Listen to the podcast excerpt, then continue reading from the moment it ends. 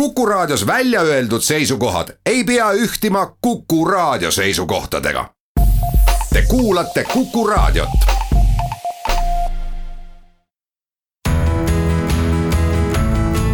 kuku Raadio nädala kommentaar. tere, mina olen Indrek Leppik ja ka sel nädalal arutleme lähtuvalt sõnapaarist verbaalne rünnak mida see mõiste täpselt tähendab, jätan sotsiaalteadlaste defineerida, ent nagu eelnevail nädalail tegid seda kivisildnik ja Peeter Espak, tõukun ka mina selle mõiste lahti harutamisel oma mätta otsast.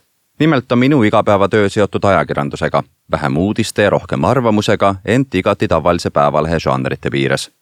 valimiste eel ja järel, kuid ka tunduvalt varem, on vestlus selle ümber, mida ajakirjandus teha võib ja võiks, kes keda ründab ja kaitseb, muutunud pealtnäha teravamaks. inimesed on justkui kurjaks läinud seltskonna ajakirjade esikaantel kurdavad tuntud näitlejad ja muusikud, et ühiskond on lausa vihkamist täis.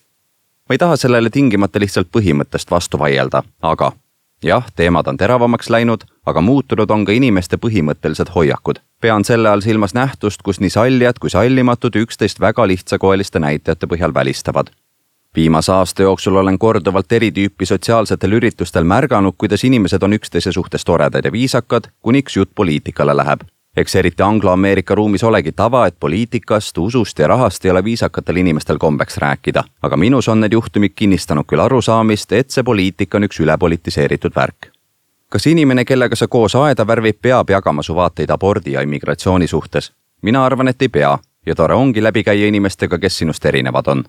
võib-olla olen muidugi üks nurjatu tsentrist ja kõik ongi nii suhteline, aga see on igati normaalne, et kõik ühtmoodi ei mõtle kes ütleb selle peale, et ma nüüd õigustan näiteks võõraviha, siis tahaksingi kohe vastu vaielda.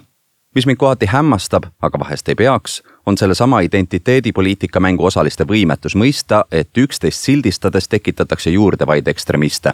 enamik ei tõmba end neis väga spetsiifilistes maailmavaatelistes küsimustes üldse käima, enne kui keegi neid selleks sunnib ma usun, et ka neis küsimustes erimeelel olevate inimeste vahel on oluliselt suurem ühisosa paljudes muudes asjades. kuid, ja siin nüüd verbaalsest rünnakust, miskipärast otsitakse ikka välja need lahknevused ja siis antakse tuld.